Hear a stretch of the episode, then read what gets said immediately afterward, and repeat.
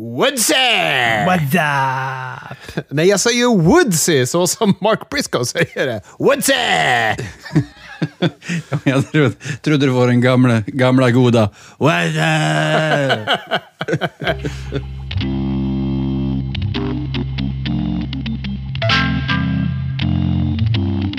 Ja, men så. Då har vi sagt något kul. Introt har rullat. Plugga bok, Chris Dybeck. Ja, så här är det.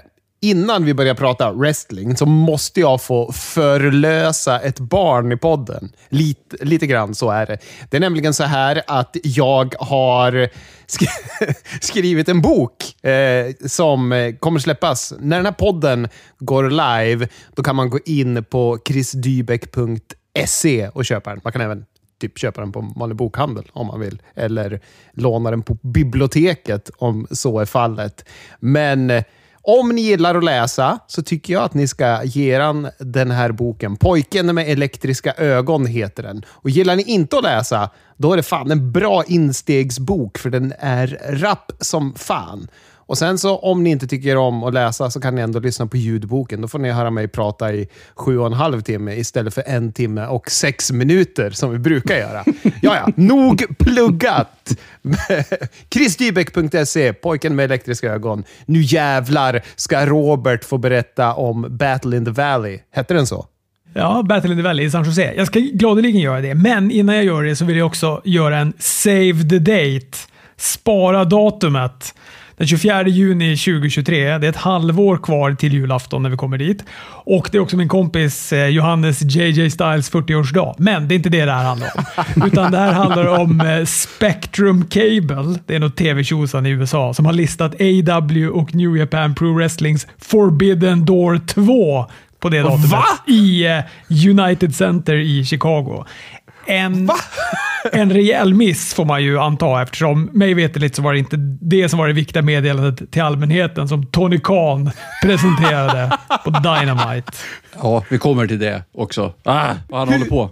Hur, hur har du fått nys på det här? Det här har, inte, det här har swishat förbi mig helt. Jag brukar, alldeles innan vi sätter oss ner i podden, när Anders går och hämtar vatten och vi är lite förvirrade på när vi ska ringa upp och, och så vidare, då brukar jag passa på att gå in på mina två fantastiska nyhetskällor. Web is Jericho, som är super, super vinklad wrestlingnyheter med Jericho i fördel, och mitt förvirrade Twitterflöde där jag får konstiga eh, wrestlingnyheter. Men ingenting om det här har dykt upp där. Hur har du fått nys på det?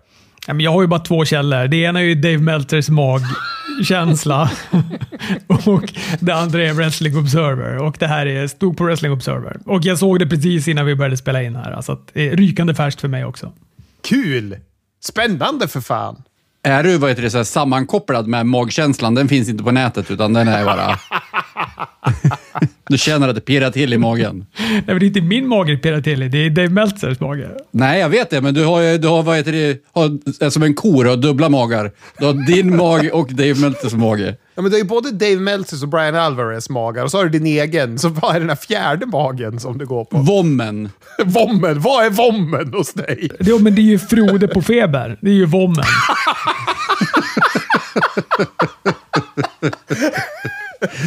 Frode, han har fått mycket spotlight 2023 ändå. Jag tycker det är härligt. Jag menar, det är, på ett sätt är det ju sådär man börjar innan man till slut hamnar i den här podden. Du och jag, Chris, pratade ju oavbrutet om källan Anders. Vips så hamnade han i den här podden. Efter då ganska mycket övertalningsförmåga. Och eh, Sundsvalls Billy Gunn lär väl kanske dyka upp här snart också, får man väl hoppas. Bildligt har han väl i alla fall varit med någon gång om inte annat. I något kommentarsfält. Ja, han har varit med som ett avsnitts, avsnittsbild tillsammans med den riktiga billiga.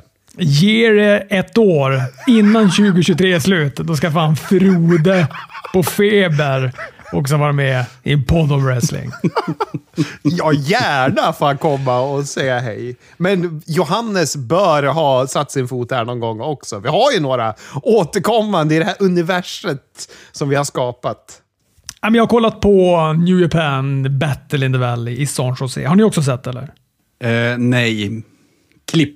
Nej, jag har... vä- Jag väntar ju alltid på att få höra det här berättat. När du konsumerar japansk wrestling, det är en av höjdpunkterna på veckor för mig.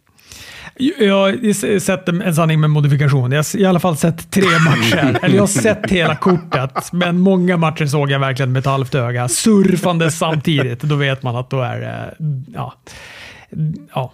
Jag, jag kollade på dem, de viktiga matcherna i alla fall. Jay White eh, förlorade mot Eddie Kingston, vilket eh, var en toppenmatch, men eh, ändå att han gick och förlorade. Alltså. Jag var ju inne på det där förra veckan, att han teoretiskt skulle kunna då vara med i New Japan Strong fortfarande, trots att han då förlorade på New Beginning och då inte fick vara i Japan längre. Men då eh, har de ju då bakat in, innan den här matchen så bakade de in en stipulation att om Jay White gick och förlorade, då fick han inte vara i New Japan överhuvudtaget som förbund.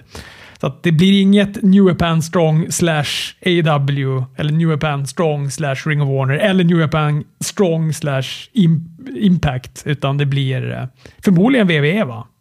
det känns mest rimligt, även om jag tycker om mina impact-tankar, så det känns det som att han passar mest där och att det finns utrymme för han där också på något vis. De skulle behöva en injektion med något som inte är gammal skåpmat från Triple H NXT.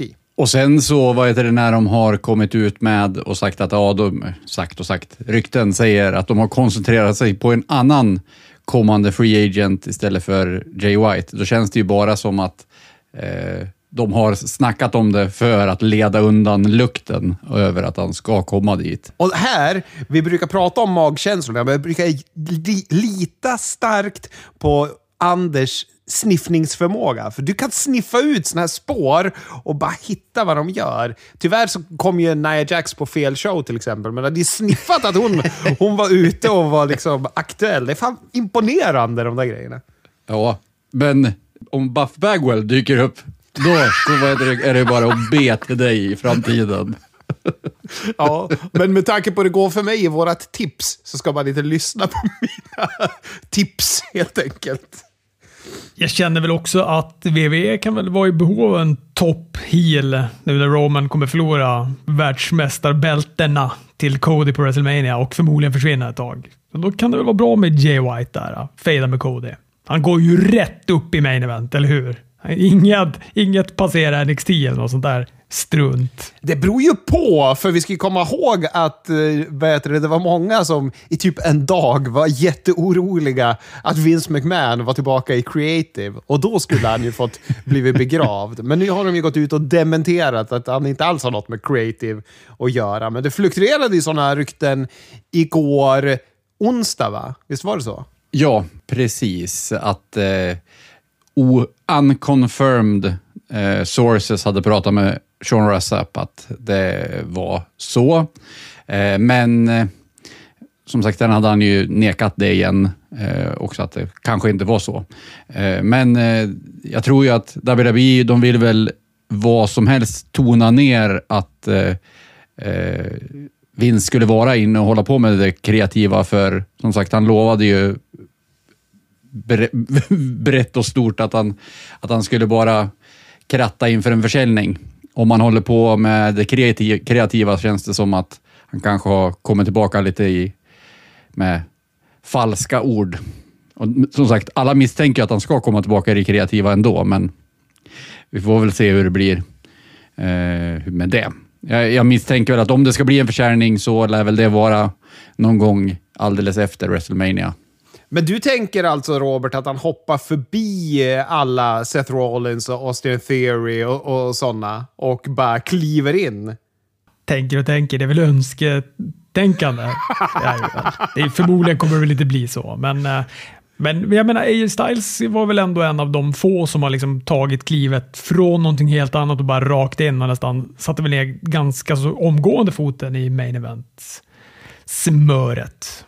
Han fick ju fejda med Jericho och så när Jericho var på väg ut, så jag vet inte. Men han var ju högre upp än vad de brukar komma in i alla fall. Finn Balor kom han känns väl ändå som att han var på samma nivå som Jay White när han kommer från Japan i storlek kanske. I och för sig, det snackas väl mer om Japan nu än vad det gjorde på den tiden kanske, men eh, Finn Balor kom ju ändå in i NXT och fick jobba sig därifrån och han har ju inte, förutom när han var Universal Champ, i en dag innan han blev skadad. Så har han väl inte varit riktigt i toppen där. Det. Det var liksom den dagen. Och, då- och det kändes Ja, också som att all, alla stjärnor stod rätt för Finn Balor just den dagen. Och samtidigt inte då, eftersom han skadade sig. Och sen dess har han aldrig återhämtat sig. Nu vill jag höra, hur gick det för Mercedes Monet? Och men det gick eh, toppen för Mercedes Monet. Jag tyckte hennes match mot Kairi Sane var otroligt bra. Det var jätte, jättebra. Det var också kul att se Mercedes, jag vill säga Sasha Monet, men så heter hon ju inte. Mercedes Monet. Det blir någon sorts hybrid av hennes två namn för mig. Eh, nej, men jag tyckte att hon var, hon såg stabil ut. Det kändes också som att hon, eh, hon brottades lite råare. Det känns som att hon eh, mådde bra av att inte vara sådär um, hållen av WWE som hon har varit tidigare i sin brottningsstil. Och framförallt så såg det ut som att hon verkligen tyckte om att göra det igen. Jättekul ju. Roligt att höra. Men det såg också väldigt underhållande ut när hon gjorde entré. Hon hade, hon hade någon dansare som stod och dansade i, i hennes entré. Då. Men med New Japans lite då slapp slappa scenografi och kanske inte sådär jättehöga krav på bildproducenter så såg det mer ut som en pappa som filmar en dansföreställning i mellanstadiet. Du vet att kameran läggs lite, vaggar lite som på sned och så zoomar den in och ut så att man har sett att så gör de ju på MTV. Så, Åh, så det nej. kändes lite, lite pajigt. Men, men i övrigt så var jag väldigt, väldigt nöjd med matchen och eh, med framförallt Sasha Monet. Och så ska man fan inte glömma alltså Kairi Sane. Vilken jävla toppenbrottare det är. Ja, gud ja. Man saknar ju henne. Och att hon spelar blockflöjt när Aska pratar japanska. Det är fan bäst. Men vad heter det? det ska bli intressant att se vad de gör nu då. För det här är ju liksom... De har ju ingen Women's Division.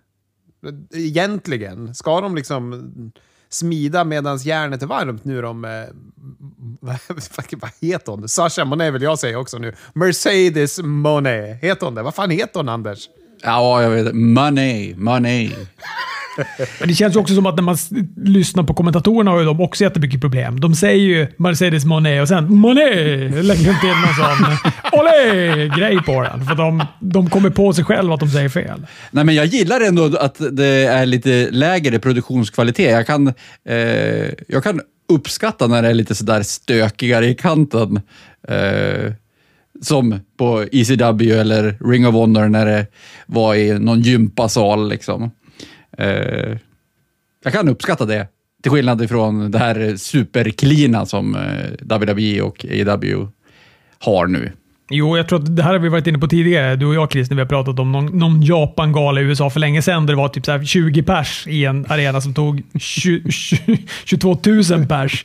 Och eh, det såg helt bedrövligt ut. Men att de är så här, vi skiter väl i det. Det är de som är här. Och så, alltså, du vet, de håller inte på att släcka ner eller flytta skärmar och grejer så att det ska se mindre ut. Och det är ju lite samma här. Det här är ju, en, det är ju ingen jättestor arena. Jag kommer inte ihåg exakt vad den här tog. Det, jag tror Två och att ett det var- halvt tusen tror jag. 2 500 ja. Och det är väl typ 2 500 där, men det ser, det ser ut som en jävla gympasal som de har ställt in en ring i. Alltså, eh, ja, det är inte, alltså det är inte jättesnyggt, men jag gillar också att det känns lite sådär. Ja. Det får gärna kännas lite rufft. Men om jag förstod det rätt också så såg man Bailey i publiken och hon hejade på som fan. Och att Mercedes Monet satte en Bailey to belly i matchen också. Ja, jag såg inte Bailey i publiken, men jag vet att hon var där och jag vet att CM Punk var där också. Och Lars Fredriksson. Vad det nu är. Alltså, ska vi droppa Rancid-människor här? CM Punks bästis, Ja. tydligen. Ja, men det du säger Chris, att man inte riktigt vet vad de kommer göra med Sasha Monet. Det, ja, men det får man ju se. Det var lite fascinerande för att hon kom ju in efter att eh, Okada hade vunnit mot Tanahashi också. Vilket också var en, en, en klassiker. Det var en jätte, jättebra match. Kanske inte den bästa matchen de har gått, men det var en, ett stabilt Japan main event. Det var roligt. Tanahashi är ju utan tänder. Han, nu kanske han hade fixat det här, det var lite svårt att se, men på New Beginning så mm, saknade han två stycken framtänder. Och då kan man ju tänka sig, ja just det, han gick ju en svinhård match mot Kenta. Det är klart att det ryker tänder. Nej, nej, då hade han suttit och ätit en proteinbar innan matchen och då tuggat sönder två framtänder på den här proteinbaren. Vad är det för spröda tandhalsar den där karln har? Hur fan, de är ju supermjuka sådana där proteinbarer. Nej, men det finns ju såna här dåliga vet du, som inte har någonting i sig förutom protein. De är ju som att tugga på en planka och så får man de söndras som jord i munnen. Det var en sån, jag är övertygad om det.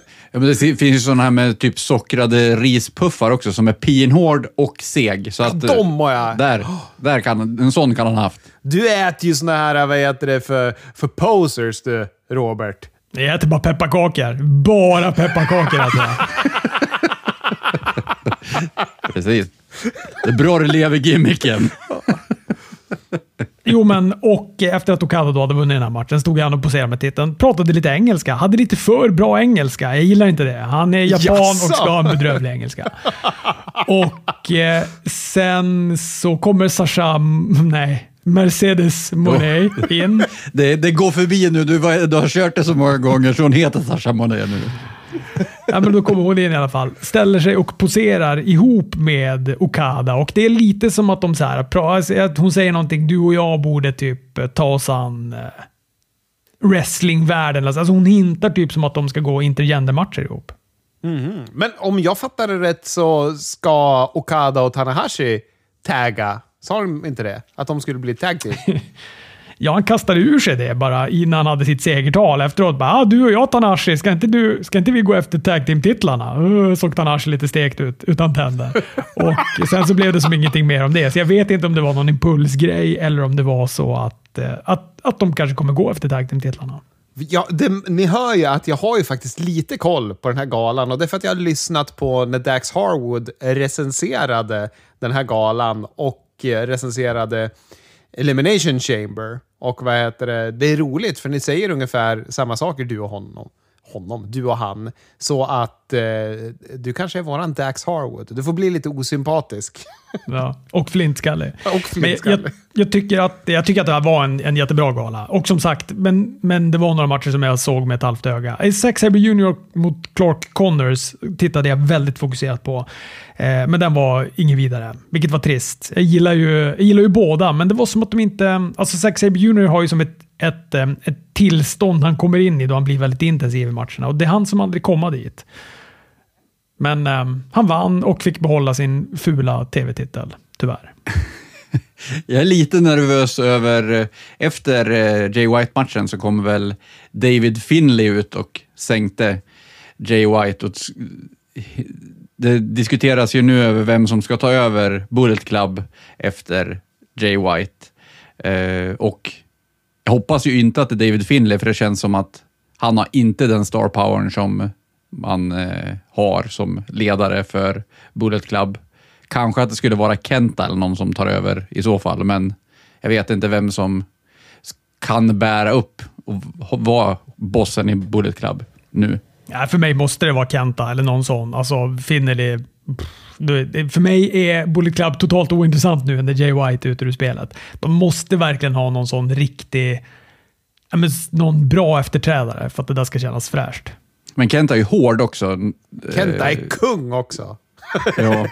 Och nu när han börjar få ett längre hår Ja, men han är väl ett jättebra namn, Anders? Han är väl toppennamn att vara eh, Bullet Club-ledare. Det tyckte jag var Ja. jätte, jättebra. Ja, Vi kör på det. vi skickar ett brev. Nu är det klubbat! Hörni, vi måste fan eh, kasta oss in i Elimination Chamber tror jag, annars kommer folk börja skrika och sparka. Vi är 20 minuter in och inte pratat om detta pay-per-view än. Nej, men Elimination Chamber var väl en kanongala, tycker jag. Jag gillade den jättemycket. Jag tyckte att eh, kvinnornas Elimination Chamber var kanske den svagaste och då var väl ändå den bra. Men det kändes mer som att de inte riktigt kunde hantera konceptet Elimination, eh, Elimination Chamber. Den kändes lite blasé stundtals. Alltså fram till att Aska kom in.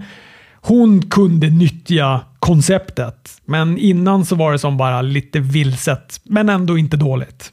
Var det inte lite så att hade vi plockat bort Natalia så hade det varit kaos dessutom? Alltså, det, det, hon behövdes i den här matchen. Jag förstår varför de trycker in henne så att hon kan styra upp eh, de mer gröna brottarna i den här matchen.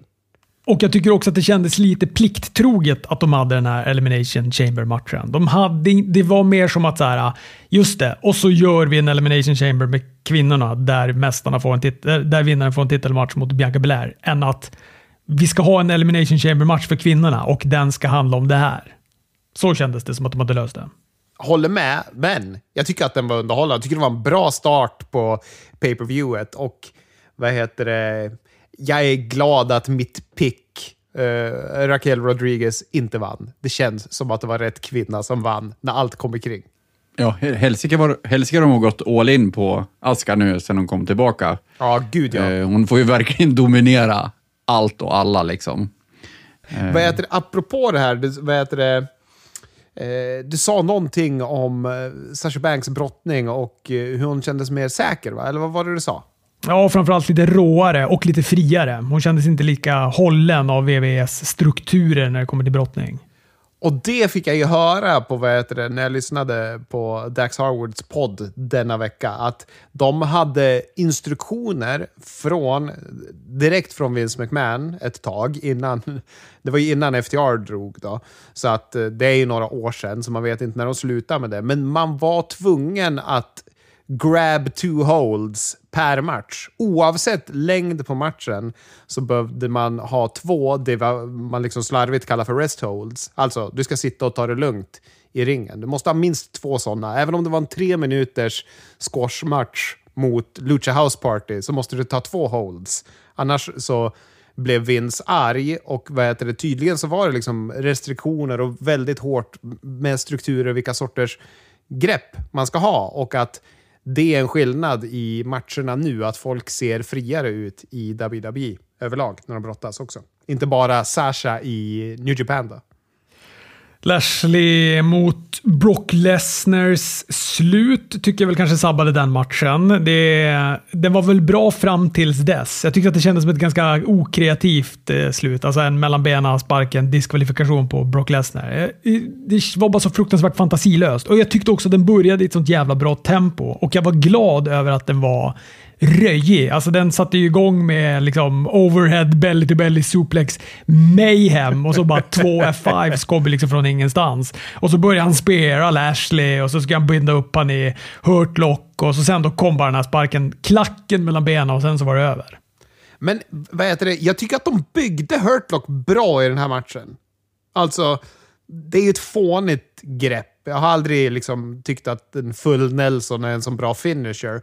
Men den har ju aldrig varit så farlig och så fruktad, tycker jag, som efter den här matchen. Så att de... det känns som att det gjorde de redan förra matchen mot Brock Lesnar, va? Eh, då var det också mycket hurtlock. Ja, men nu var det ju liksom hans enda väg ut och inte tappa ut, det var att göra den där klacken. Och då blir jag, visst, han blir ju diskad och förlorar matchen, men han tappar ju inte ut. Så jag kan förstå psykologin men jag är också lite på Roberts sida att det är ett tråkigt och, och dåligt slut. Samtidigt som, ja, fan, jag satt där ett tag och trodde på Bobby Lashleys vad heter det, Hurtlock och bara fan, ska Brock vara så schysst så han tappar ut? Men det var han inte. Det som jag är lite, alltså, det var ju tråkigt att eh, den blev lite kort matchen kanske och eh, att det slutade så abrupt. Eh, men det är ju också sådär att, ja, då ska det bli ytterligare en match dem emellan. Det känns som att de har kört eh, den här väldigt länge nu. Sen så blev det ju bara konstigt när det är ju Bray Wyatt har ju blivit inblandad i hela den där grejen. Han eh, skulle ju ge sig på den som gick därifrån. Åmas är inblandad. Så det känns som att det är en äcklig fruktsallad som de håller på och bygger ihop här. Var det inte det som också var så här, huvudledtråden i att alla trodde att, vad heter den där tjommen? Sean Ross Sapp, heter han så? Ja. Nej, men att han började prata om att Vince McMahon var tillbaka. Alla bara “Jo, men ni såg ju Raw!” Omas mot Brock Lesnar. Det är klart att Vince McMahon är tillbaka. Att det luktade Vince McMahon långa vägar. Men den här Sean Ross, alltså varenda gång han lägger upp någon sån här grej och så liksom står det bara “Subscribe for more” så tänker jag bara att allting handlar bara om att han vill få en massa jävla folk att prenumerera. Ja. Och betala för hans jävla wrestling-dynga han spyr ur sig. Men han var väl med på någon wrestling-show någon gång, när folk fick det, ge honom pengar på vägen till ringen? När han var, vad heter det, alltså, typ för ett år sedan. Ja, precis. Men det var ju hans gimmick då. Han är, jag vet, jag vet, ja. jag vet. men det var roligt att han leaned into it. Ja. Nej, men jag blev på dåligt humör av slutet av Bobby Lashley och Brock Lesnar, men jag blev genast på gott humör sen igen när, när jag fick höra publikens hat mot Dominic Mysterio. alltså det var toppen. Han är ju bäst han! Han är ju, och han, han har ju så roligt i rollen. Det är som att han har nära till att börja hånskratta åt publiken som hatar honom hela tiden. Nej, fan. Ja, jag älskar Dominic Mysterio. Om Dominic Mysterio skulle möta Tony Nese skulle jag hålla på Dominic Mysterio. Men alltså publikens “Fuck you Dominic” det var fan högre i decibel än Edge entré. Och det, då var de ändå i Kanada, så det säger ändå en del. Men det är så snyggt också att han blir ivägjagad och sen kommer tillbaka igen, så det blir sådär dubbelraket med hat mot han. Ah, det är fa en fantastisk karaktär. Tänk liksom vad han har utvecklats från när han och Ray fejdade mot Buddy Murphy och Seth Rollins. Liksom. När han gick runt i den där tråkiga dräkten. Fan, ex-kondom for president. Men det känns det som att de borde börja trappa upp lite grann nu va, på showerna. Borde Dominic och Ray eh, få lite mer varann, med varandra att göra igen. För att det är väl den matchen som de bygger emot på WrestleMania kan jag anta. Genom att de har kört vid varenda högtid så har ju Ria och Dominic dykt upp och sabba, eh, sabbat middagen för Ray. Men det kommer säkert komma nu, men jag tror han är skadad Ray. Han, den här matchen han gick mot Karrion Cross som han gick och vann, vilket kändes jätteapart, så ska han ha skadat sig. Jag tror att det är därför han hålls ifrån. Alltså de gör de här tv-grejerna och eh, Dominic kom in med masken och sådär, men han var inte med på Royal Rumble exempelvis. Och sådär. Det där, det är säkert, förmodligen hade det väl varit kanske mer ifall det inte hade varit fallet att Ray hade varit skadad, tror jag. Men den här Beth och Edge mot Balor och Rhea Ripley tag matchen tyckte jag var underbar. Jag gillade den jättemycket och helt rätt att låta Edge pinna Finn Balor. Så att publiken fick vara lyckliga och Rhea Ripley fick fortsätta se bra ut. Och FTR fick en liten hommage med Shatter Machine. Just det, de gjorde den rackaren ja. Jajamän! Och de kallade den för Shatter Machine. Michael Cole skrek det som besatt. Ja, de håller på att jävlas med i W Michael Cole är på rethumör. Ja, just det. Han eh, kollade ju ut den mest professionella reportern i hela wrestlingvärlden som var där i publiken. Precis, som ställer de svåra frågorna, även om du inte vill svara på dem. Och vi kanske ska förklara vad det här är då. Det här stämmer sig ju från när Tony Khan har gått bananas på, vad heter reporten? MMA Hour heter det på Ari Leones MMA Hour när eh, Ariel Owani frågade om eh, ja, CM Punk-bråket. Eh, han ville grotta ner sig i det och eh, Tony Khan ville verkligen inte svara på frågor om det, för det var ju en pågående utredning. Eh, och det var även lite andra frågor som eh, Tony Khan inte ville svara på. Han ville veta om eh, kontrakt och eh, löner och så vidare och det ville ju inte heller Tony Khan svara på. Nej, och sen så efter det så eh, var det Erloni sa att det var den mest frustrerande intervjun som han hade haft med någon. Eh, och när Erloni efter det här har han ju bara promotat WWE-grejer och han har haft WWE-brottare på showen och han gör, har gjort någon specialshow med när han lagar mat med Sami Zayn inför Elimination Chamber och sen så var han ju i publiken på Smackdown och han var i publiken på eh, Elimination Chamber och promotade i allmänhet.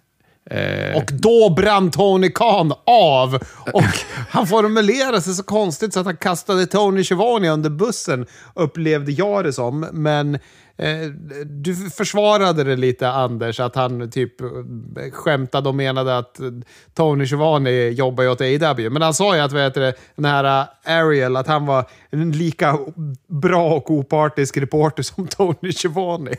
Oavsett vad han menar så tycker jag att det är fult formulerat av Tony Khan. jag, jag tror ju att Tony Giovanni han pratade igenom det. Han var han inte och pratade om att var han inte och antydde att Tony Khan var ett, ett eh, kokainhuvud också. Kallar han för Snowman och sådär. Jo. ja. Alltså det är låg nivå på Twitter ibland alltså. Precis. Eh, och eh, Dave Meltzer var inne på det att, eh, att eh, Ariel Lawani, han var ju kungen backstage efter han hade dragit den där Snowman eh, kommentaren. Då så var alla så glada att han liksom stod upp emot Tony Khan då.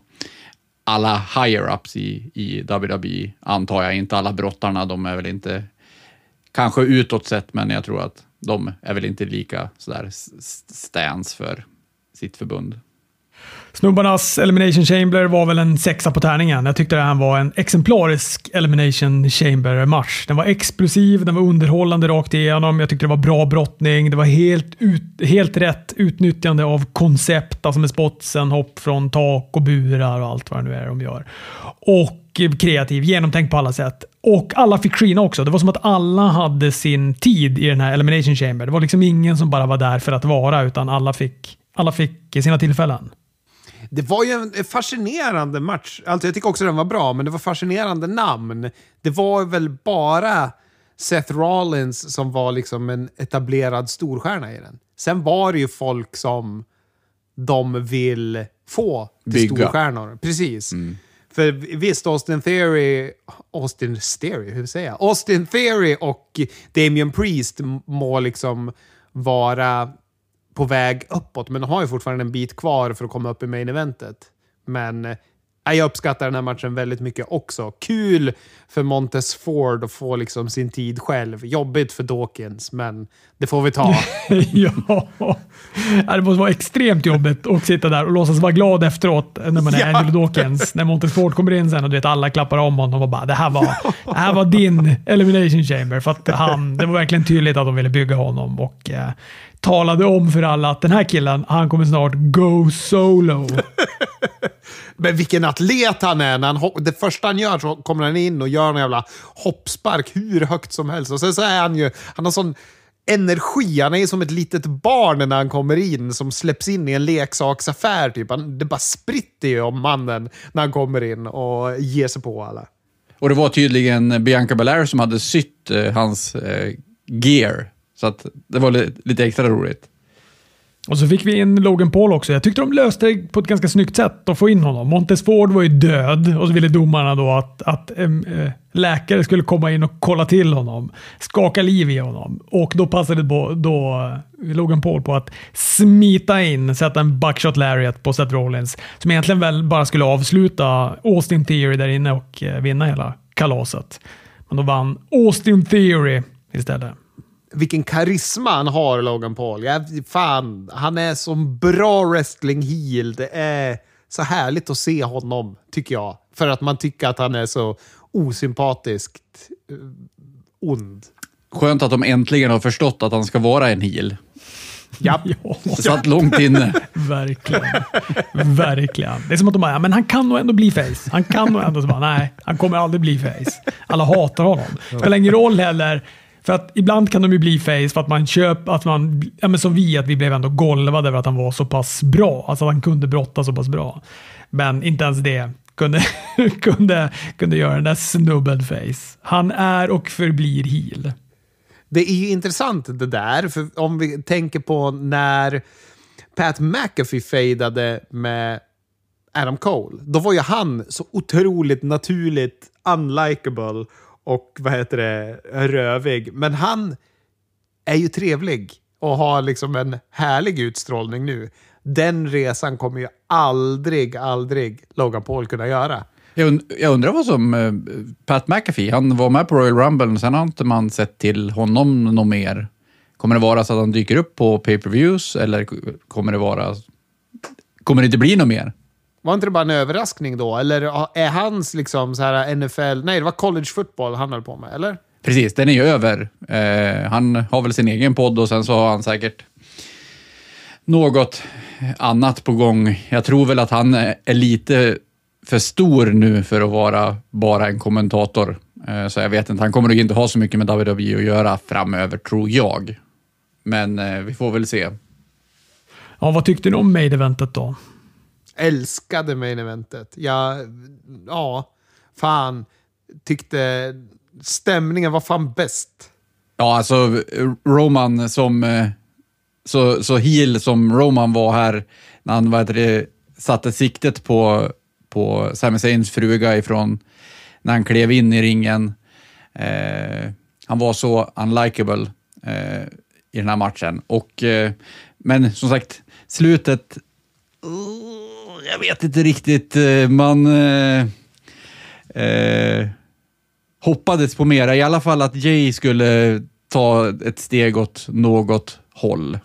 Jaså, jag älskade Jay-grejen så att storyn fortsätter framåt.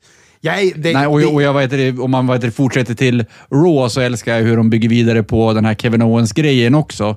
Att, att han eh, inte liksom tar emot Sami Zayn direkt, utan att det måste vara en liten kamp dem emellan innan de kommer varandra nära igen också. Man funderade nästan om kanske, kanske Kevin Owens törnar emot Sami Zayn nu, men, men eh, som sagt, det, men den är ju mästerligt byggd, hela storyn. Men eh, jag skulle vilja ha eh, ett steg åt vart han ska i alla fall, Jay, lite grann.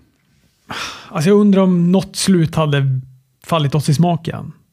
Alltså, vi vet ju inte ens riktigt själv hur vi skulle ha velat lösa det här till 100% så att det skulle ha blivit bra. Så, att, så att det spelar egentligen ingen roll vilket slut de hade gjort, så hade man ändå varit lite så här, ja, men borde de kanske ändå inte ha gjort på något annat sätt? Vi visste ju att Sami inte skulle vinna. Vi visste att Roman skulle, skulle behålla titlarna, men ändå är det ju som att man jag vet, man satt där med en liten fadsmak. Jag tycker ju kanske mest synd om publiken. Alltså att publiken ändå var tvungen att lämna den här kvällen utan att få vara i den där extasen som de ändå var i under hela matchen. Jag, jag lyssnade på Lance Storm när han pratade med Brian Alvarez om den här och då sa han att, att äh, egentligen borde de kanske ha gjort så att när Kevin Owens kommer in där äh, och hjälper Sammy att ta ut då Bloodline, att de där och då borde ha utmanat Usos om tag titlarna och få ta dem där. Så att de ändå hade kunnat få, att publiken ändå hade fått ett Sami Zayn och Kevin Owens moment då på den här galan. Nej, jag tycker inte de skulle gjort det. Jag, jag håller inte med Lance. Jag tycker att man måste våga låta det bli besviket. Så att det blir mycket alltså... Jo, men va? Chris, hela VVS karriär har varit att vi gör publiken besviken. Det är liksom brottare i sina hemmastäder som blir behandlade som skit, som får förlora. Alltså, de har ju aldrig fått lämna lyckliga den här publiken. Nej, nej, nej, nej. Men lyssna på mig nu. Tänk här, vad heter det? Jämför hur över Sami Zayn var innan den här matchen. Fantastiskt över. Otroligt över. Men den pop, den babyface-pop han fick på Raw, den var ju starkare än vad han har fått tidigare. För han har ju gått igenom den här jävla skärselden och förlorat och inte fått sin redemption. Det bygger ju honom. Det här är ju klassiskt wrestlingbygge. Facen måste ju förlora. Sen så måste han ju såklart få sin vinst över Roman i slutändan. Annars är det ju eh, bortkastat. Men jag tror att Sami Zayn blev mycket mer populärare av den här matchen. Och vad heter det, jag tycker att det är bra att låta publiken... Här är jag på Vins sida. Man behöver göra dem besviken för att kunna ge dem det här förlösande. Eh, så att eh, jag står fast med Vince vid min sida, tyvärr. Men, och jag håller med, alltså matchen var ju toppen. Alltså hela dramaturgin, explosiviteten här också och eh, den var jätte, jättebra. Och han har ju också en jävla förmåga, Sami Zayn, att få en att bara han gjorde den här jävla töntiga, alltså han gjorde en Superman-punch, men han gjorde den här töntiga laddningen. Ja. och Det är liksom bland det värsta jag vet. Men även när han gör den så ställer jag mig upp och bara jublar rakt ut. Jag är så jävla peppad på att han ska vinna den här matchen. Och då vet jag till och med att han inte kommer vinna än. För att jag ser den i efterhand och jag har läst spoilerserna. Så jävla bra gjorde han det. Jag såg framför mig att du skulle ställa dig och pumpa handen också när han gjorde det. Det vill jag se.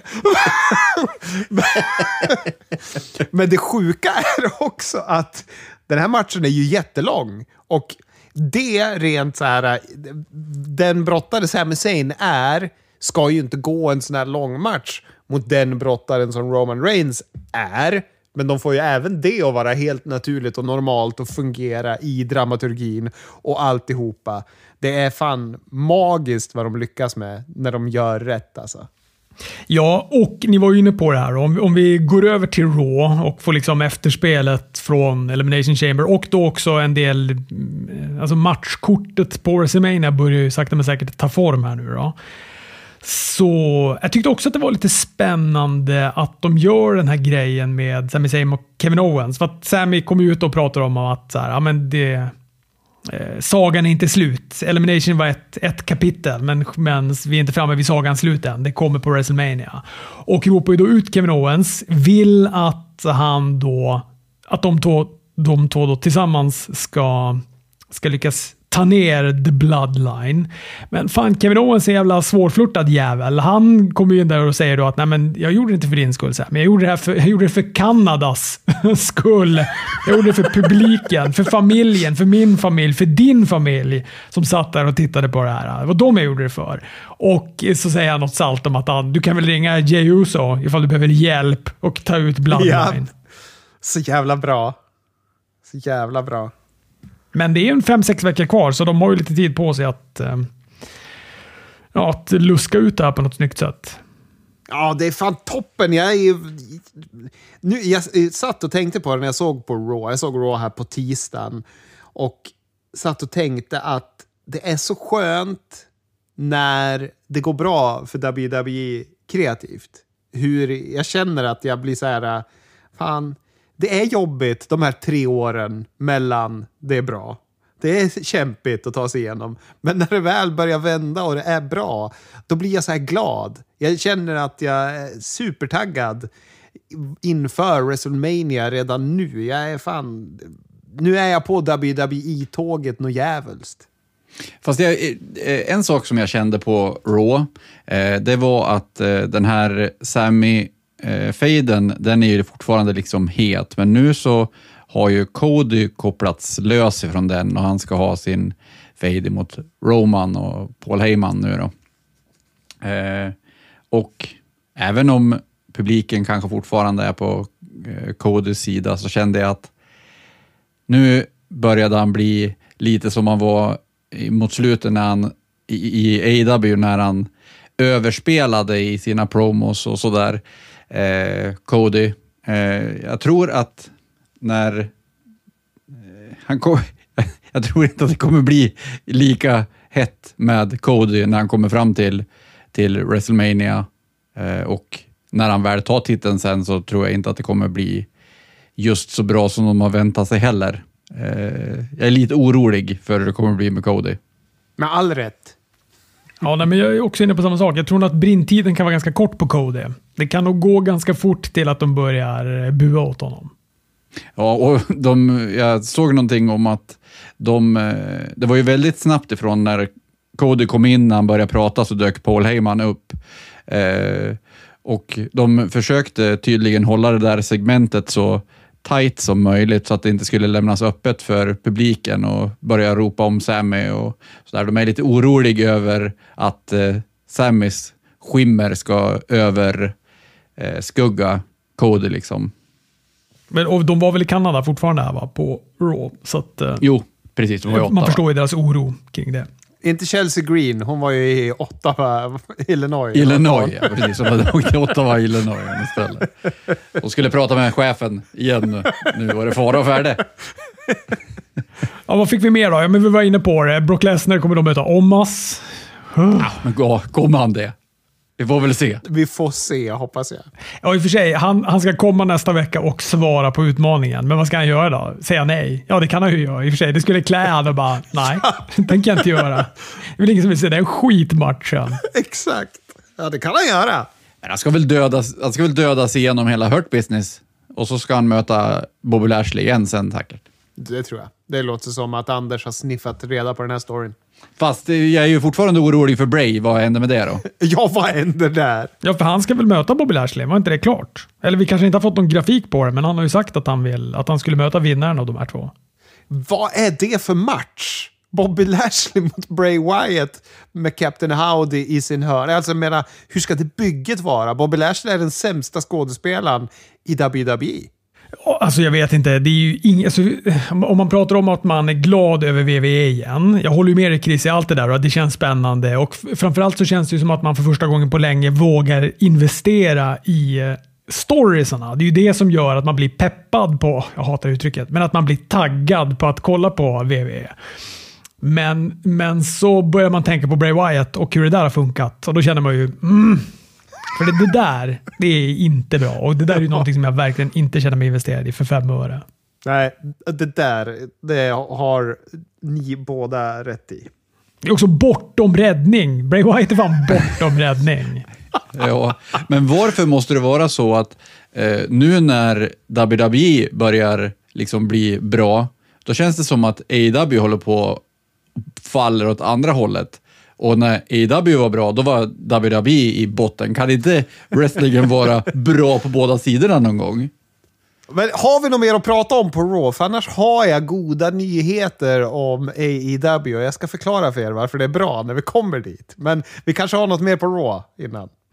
Ja, men det var väl, jag var väl bara, bara lite nyfiken på det här med Lita och Becky Lynch. De ska vara tag mästare när de går in, när de spatserar in på WrestleMania så vill de vara tag mästare För de utmanar ju då Damage Control om titlarna på nästa veckas Raw. Jag är inte så intresserad av den matchen.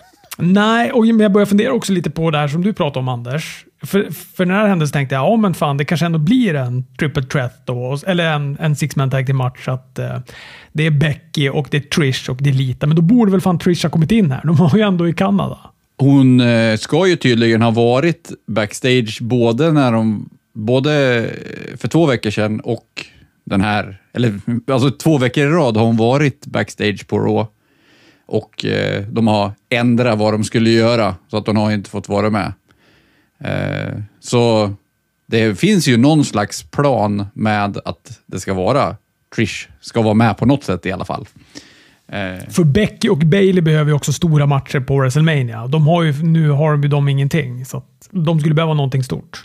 Ja, precis. Men det har väl tydligen varit på grund av att Dakota Kai har varit skadad så har det blivit lite käppar i hjulet med planerna. Ja, sen kan man ju också bara nämna att Ringde de... Triple H och sa mig. Men han dementerade att Vince hade något med creative att göra.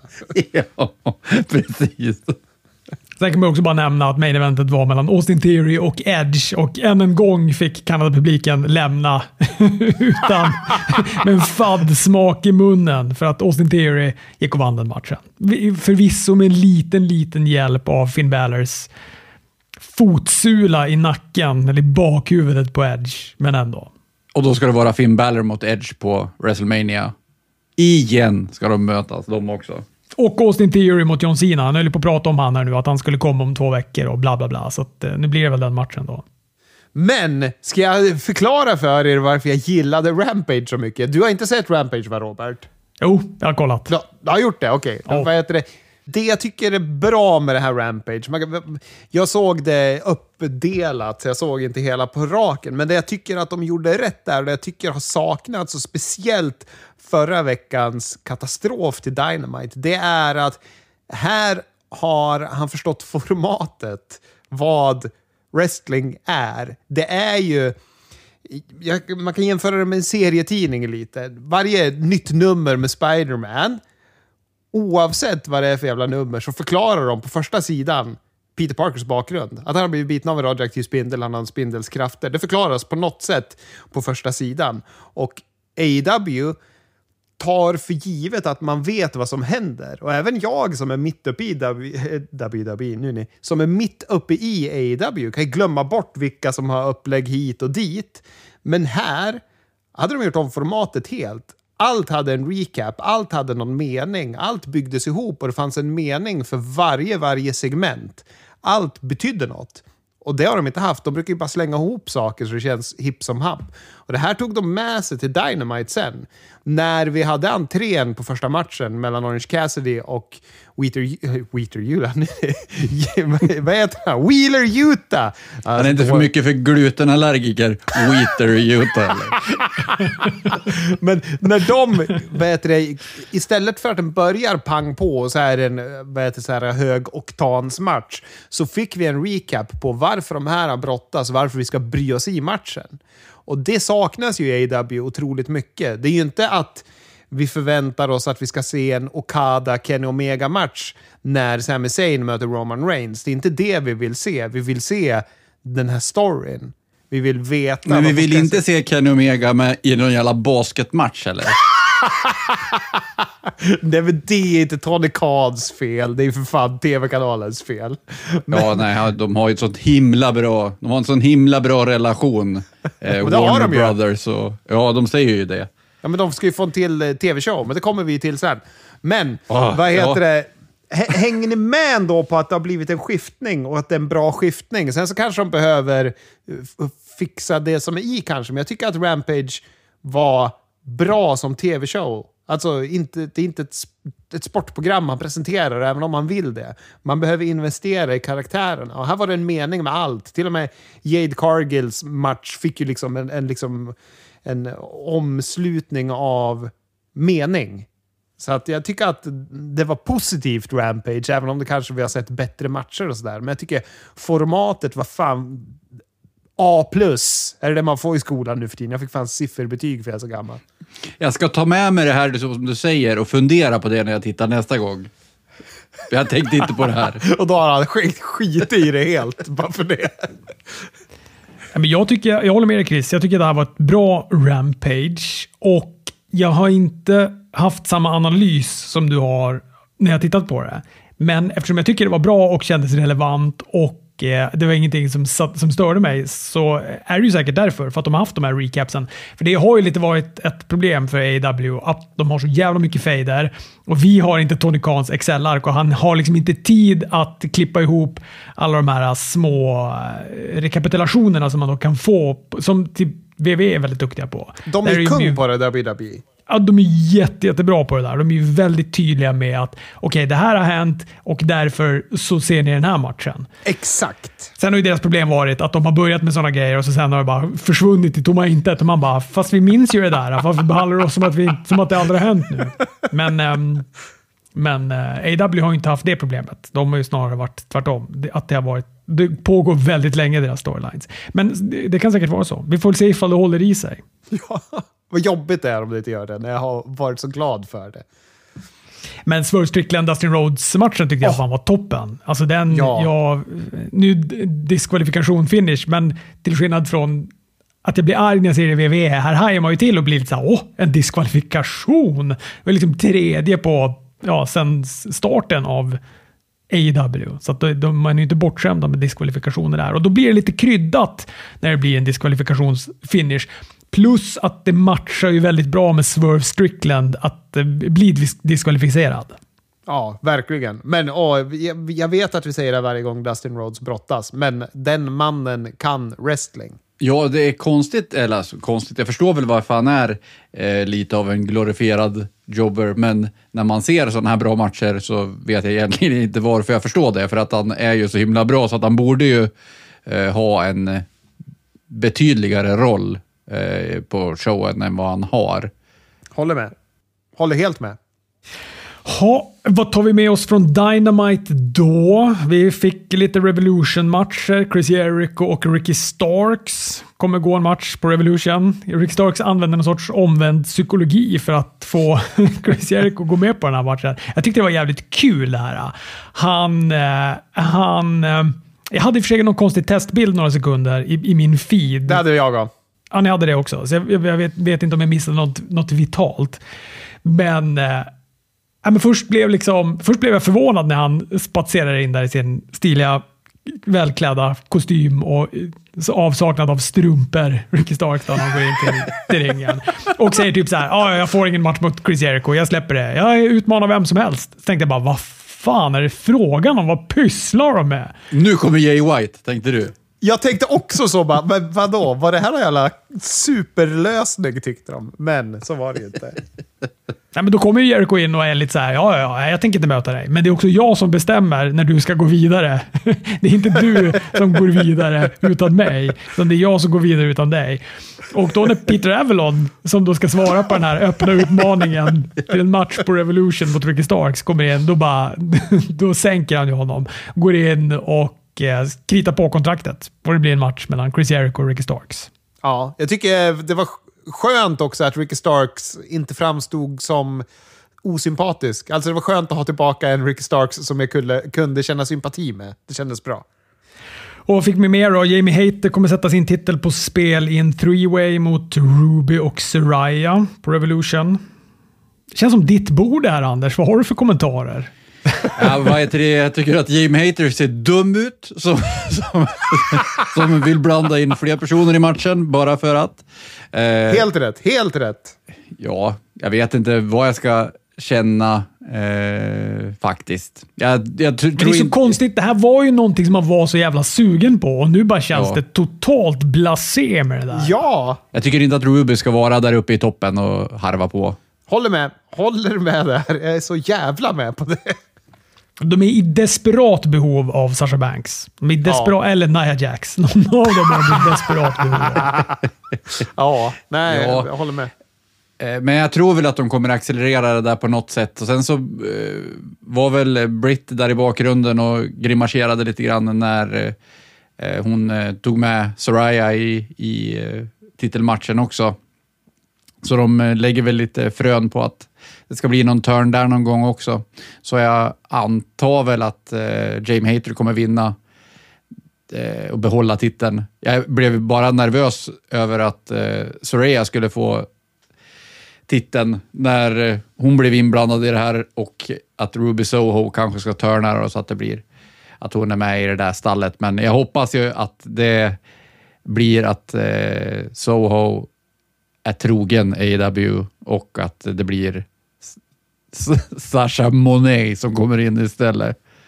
Vad tycker vi om eh, att eh, det är väldiga heel-tendenser på Blackpool Combat Club då? Och arga pappan-känslor på, på eh, Claudio. Claudio? Ja. Ja, jag, men jag gillar också... Ja, var verkligen arga pappan har pekat bredvid sig. Men jag tycker att det klär dem väldigt bra. Jag tycker att det, det var härligt att Claudio kom in och var arg på Wheeler Utah när han inte var tillräckligt eh, aggressiv och sen när han kontemplerade att faktiskt krama eh, Orange Cassidy, att han gjorde arga pappa-peket. Och eh, publiken... Kom in i kramen, stod han.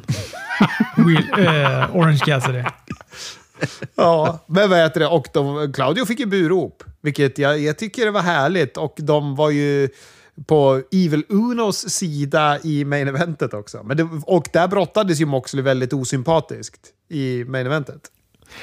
Två jävla kanonmatcher där. Willie Utah och Orange Cassidy var prima ballerina. Och eh, Evil Uno, nu är det länge sedan man sett han brottats med en sån framtoning som han gjorde här.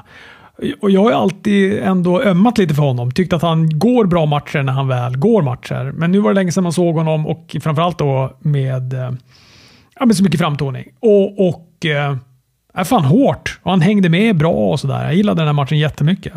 De, behöv, de behöver ju det här eh, Dark Order lite grann för att eh, tvätta av sig det här skojiga som de har. Eh, de eh, eh behöver lite skinn på näsan. Det är ju en bra story i bakgrunden där, vad heter det, Dark Order och Hangman. Tänk om de skulle kunna strukturera upp den på något sätt så att inte de blir de här skojgänget. De kan fortfarande vara roliga och härliga, men att de är eh, liksom någon man fruktar i ringen i alla fall. För att det finns så mycket bakgrund och story där som de skulle kunna ta på och göra någonting härligt av.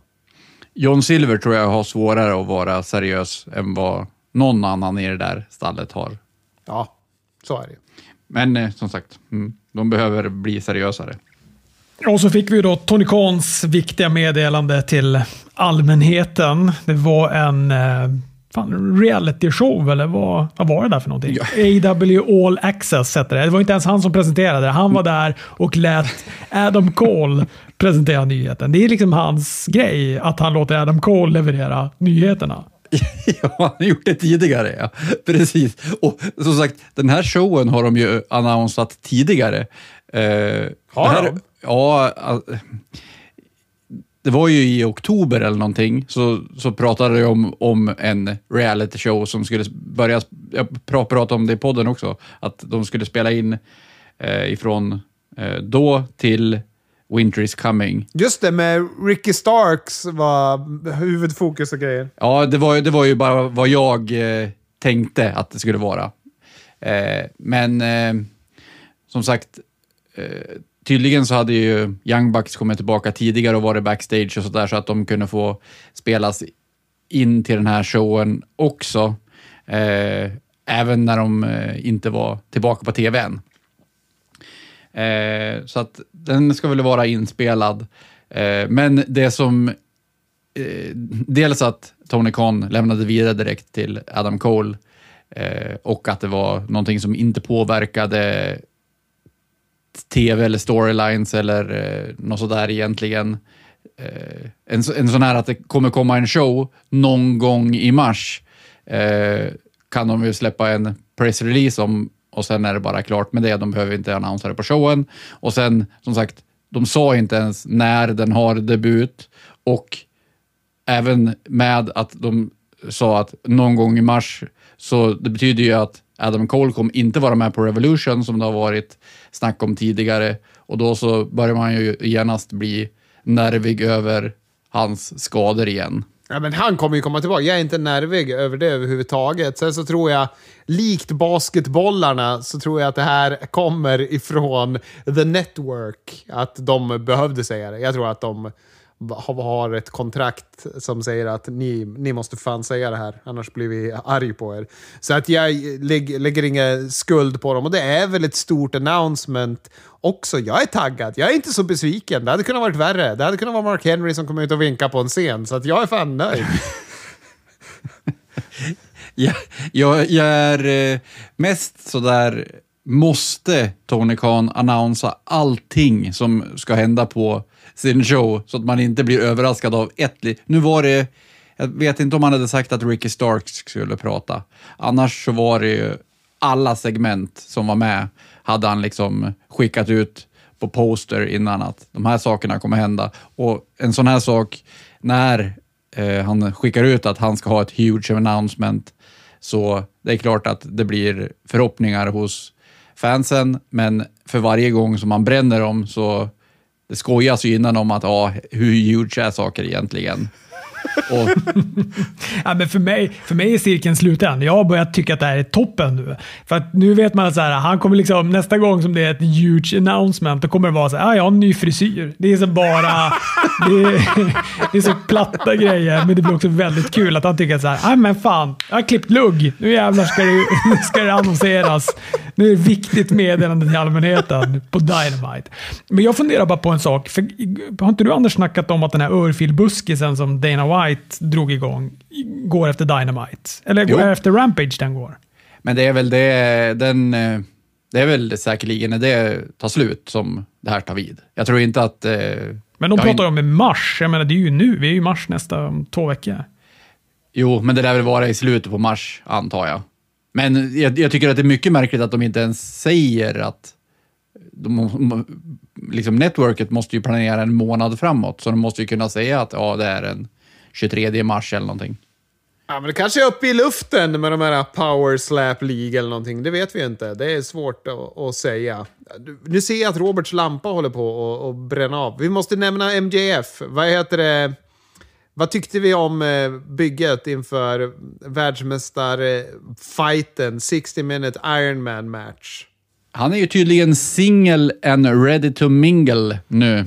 ja, men är det på riktigt det? Han pratade ju om att hans fiancé hade dumpat honom för att det gick inte att leva med honom och sen så började han attackera vad heter det, Brian Danielson för att han skiter i sin familj. Det är viktigare att wrestlas. Det var väl själva poängen med promon den här veckan. Jag tycker att det den behöver tydlighet ändå, den här fejden. Eh, det är nya saker hela tiden, känns det som.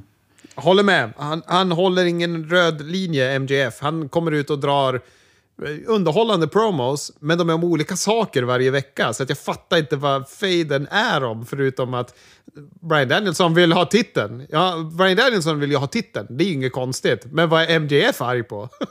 Oh, jag skiter i det. Jag har viktigare grejer att prata om. Att det här tipset till exempel gick ju för jävla bra för eh, en kille som heter Jonathan Karpanen. Karpanen och Robert Frank som fick delad första plats. Precis. Jag gör en sån Barry Horowitz och klappar mig själv på ryggen. Jag måste säga här, Robert, att det är för att du har inga drömmar. Du har ingen tro. Du vill inte föda fram sådana här äh, härligheter. Du vill inte tro på Jeff Jarrett. ja, fast det gjorde du ju faktiskt, ska jag ge dig. Jeff Jarrett, Chris. Hur oh. glad blev du när Jeff Jarrett vann? Ja, oh, jag satt och jublade faktiskt. På riktigt. Nej, men eh, bra gjort, Robert. Och eh, vad hette han? Karpanen? Hette han det? Precis. I sammanlagda tippet så är det Robert som är ensammen i toppen. Eh, Tätt följt av Mr A. Precis, Mr A och sen har vi Jonathan Karpanen där också. Chris Dybeck, tredje från sist eller någonting tror jag. Väldigt starkt gjort.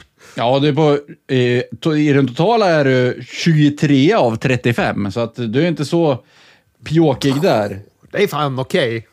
Och eh, i, eh, i det här Elimination Chamber-tipset så var det 25 av 31. Ja, men det tar jag, för jag vågar drömma. Hörrni, detta om detta. Vi hörs.